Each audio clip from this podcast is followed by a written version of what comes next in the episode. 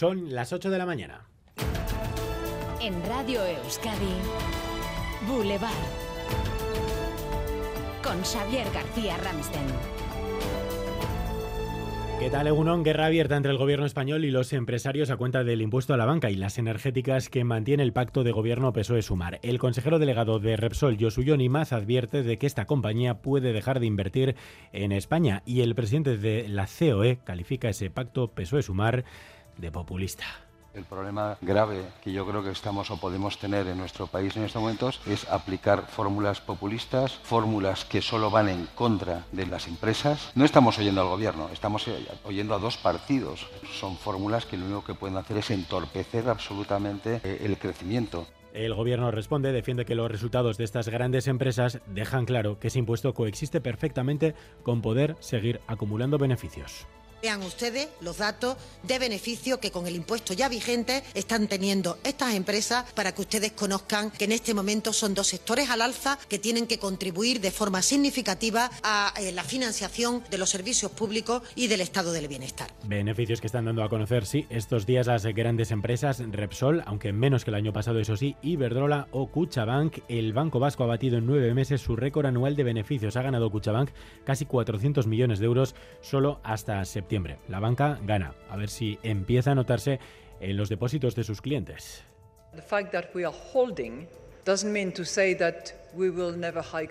Y es que es Christine Lagarde, el Banco Central Europeo ha optado por no subir los tipos de interés tras 15 meses de subidas consecutivas. Una buena noticia sin duda para quienes llevan meses viendo cómo sube y sube el precio de su hipoteca.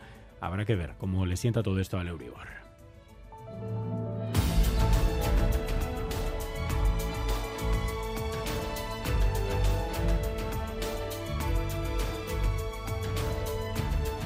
Y dentro de media hora visita Boulevard la diputada general de Guipúzcoa, Aider Mendoza. Acaba de cumplir sus 100 primeros eh, días en el gobierno. Con ella hablaremos, entre otras cosas, del impuesto a las grandes fortunas de los presupuestos del año que viene, que en el caso de Guipúzcoa tienen que acordar con otra formación de la oposición y también del caso de la desaparición de una mujer maltratada que vivía en un piso tutelado por la Diputación Foral. María Ruiz Egunón. Sí, Egunón. La Erchanza investiga si hubo fallos en la protección de esa mujer. Sí, durante una salida del centro se marchó con su agresor esta mujer y el bebé de ambos. Se sabe que está en el extranjero, pero se desconoce su paradero. Josué Coreca, consejero de Seguridad. Siempre que se produce una circunstancia de este tipo, se abre una investigación interna a efectos de reconstruir eh, cuál es la secuencia completa de hechos, de actuaciones, de decisiones y de comunicaciones. El centro dio aviso a la Archancha de que esta mujer, tutelada por la Diputación de Guipúzcoa, salía de paseo como siempre hacía, pero esta vez no recibió ningún tipo de protección por causas que se desconocen. Ingresan en prisión dos de los acusados del homicidio de un hombre encontrado en una maleta en Archanda. La jueza ha enviado a prisión a dos de los cuatro detenidos, ambos varones y con antecedentes penales. Las otras dos detenidas, dos mujeres, quedaron en libertad con cargos. Además, una quinta persona está siendo investigada y deberá acudir al juzgado la próxima semana. Los cinco están relacionados con el presunto crimen de un hombre cuyo cuerpo fue encontrado de descuartizado y quemado en el interior de una maleta en un restaurante abandonado en el Monte Archanda. El defensor del pueblo va a publicar hoy en Madrid su informe de abusos sexuales en la Iglesia. Hoy se presenta en el Congreso el primer relato oficial de la pederastia en el seno de la Iglesia Católica. Se prevé que este informe señale cientos de miles de casos en todo el Estado y que sea una radiografía detallada de lo que sucedió durante décadas y la responsabilidad que tienen los poderes públicos en este asunto. También incluirá propuestas legales para abordar el problema y atender a las víctimas. Juan Luis Ibarra para las críticas a la sentencia sobre el euskera con el Movimiento de Liberación Nacional Vasco. Quien fuera presidente del Tribunal Superior de Justicia del País Vasco dice que detecta en las críticas ecos de las campañas de deslegitimación social del Poder Judicial promovidas por el MLNV y asegura que se hacen con el siguiente objetivo. Persiguieron articular una continuidad semántica entre la amenaza terrorista y la ubicación social de la Judicatura y la Fiscalía ejerciente en el País Vasco en una situación de ajeneidad radical, nacional y cultural. Declaraciones de Ibarra que llegan en un contexto de numerosas sentencias en torno a la euskera. Donostia retrasa la implantación de la zona de bajas emisiones hasta finales de 2024. El Gobierno estatal ha aceptado la prórroga solicitada por el Ayuntamiento. Por el momento, el proyecto no detalla qué zonas limitar, aunque la concejal de Medio Ambiente ha querido lanzar un mensaje de tranquilidad. Marisol Garmendia. En una primera fase, los vehículos que van a estar afectados van a ser los de sin etiqueta y que la máxima restricción solo alcanzará a los vehículos BES. La oposición critica que la gestión del proyecto por parte del equipo de gobierno ha sido nefasta. A las 9 hablaremos en Boulevard de este asunto. Y esta mañana se inaugura un nuevo, el nuevo bosque de Oma de Agustín Ibarrola. Mañana se abrirá al público, hoy lo va a visitar la prensa, entre ellos nuestro compañero Xavier Madariaga. Hace cuatro años que cerraba sus pistas Omacoba Soa por la enfermedad de los pinos. Después de más de un año en reconstrucción, hoy nos presentan una versión mejorada del mismo. Verano del año pasado arrancó el traslado del bosque. Primero fueron 14 conjuntos artísticos, 454 árboles pintados. Y para una segunda fase se han dejado 20 conjuntos, otros 400 árboles. En total, este renovado bosque, icono de la imagen de Euskadi, lo componen 34 conjuntos.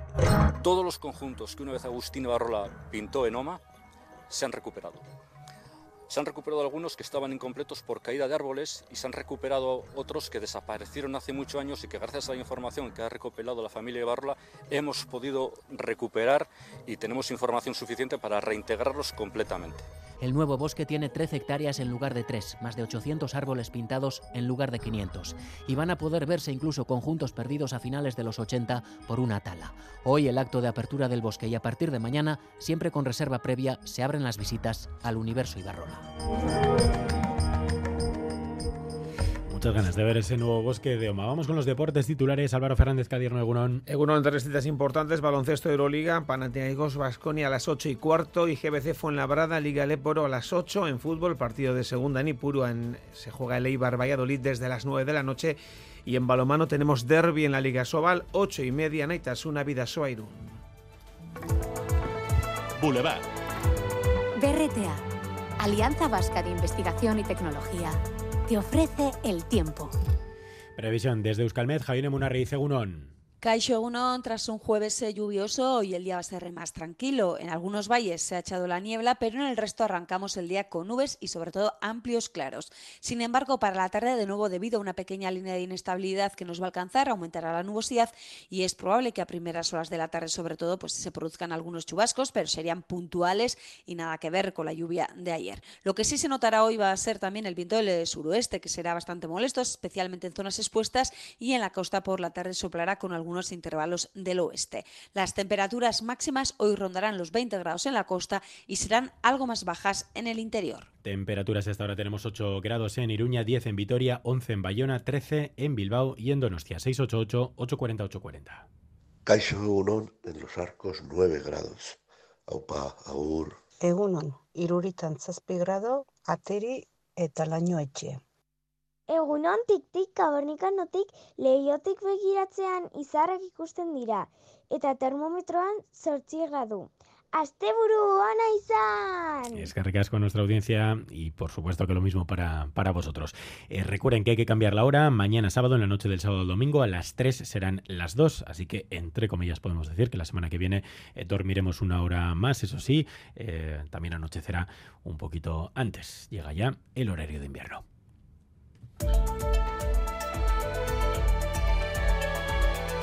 Boulevard. Tráfico. Miramos a las carreteras, pueden ver ustedes ya lo saben en ETV2 ahora mismo en directo las cámaras del Centro de Gestión de Tráfico de Euskadi donde la situación es de normalidad comparando desde luego con todos los accidentes que teníamos ayer. Hoy se circula con bastante más tranquilidad, lo está comprobando la unidad móvil de Radio Euskadi Begoña Dorronsoro Egunon. Egunon Xavi. Así es, hoy se circula con mucha más normalidad, los accesos a las eh, capitales eh, so, cuentan con un tráfico mucho más fluido, aunque nos encontramos actualmente en la Vizcaya 625 a la altura de Arrigorriaga, en sentido Burgos, donde se ha producido una colisión entre dos turismos y podemos ver importantes retenciones, así que precaución en este punto, precaución también en la Nacional 1, donde la vía permanece cortada al tráfico a la altura del túnel de Icasteguieta, sentido Gasteiz, debido a que se ha desprendido la tela impermeabilizante en el interior del túnel. El corte se está prolongando durante varias horas, por lo que el tráfico está siendo desviado hacia Icasteguieta y desde el Departamento de Seguridad nos informan de que las retenciones llegan ya a más de 4 kilómetros. Bueno, pues más tranquilidad que ayer, pero ya ven que también hay importantes problemas esta mañana en las carreteras. 688-840-840 es el WhatsApp de tráfico de Radio Euskadi si quieren compartir información con el resto de la audiencia. 8 de la mañana y 10 minutos. Escuchas Boulevard en Radio Euskadi y TV2.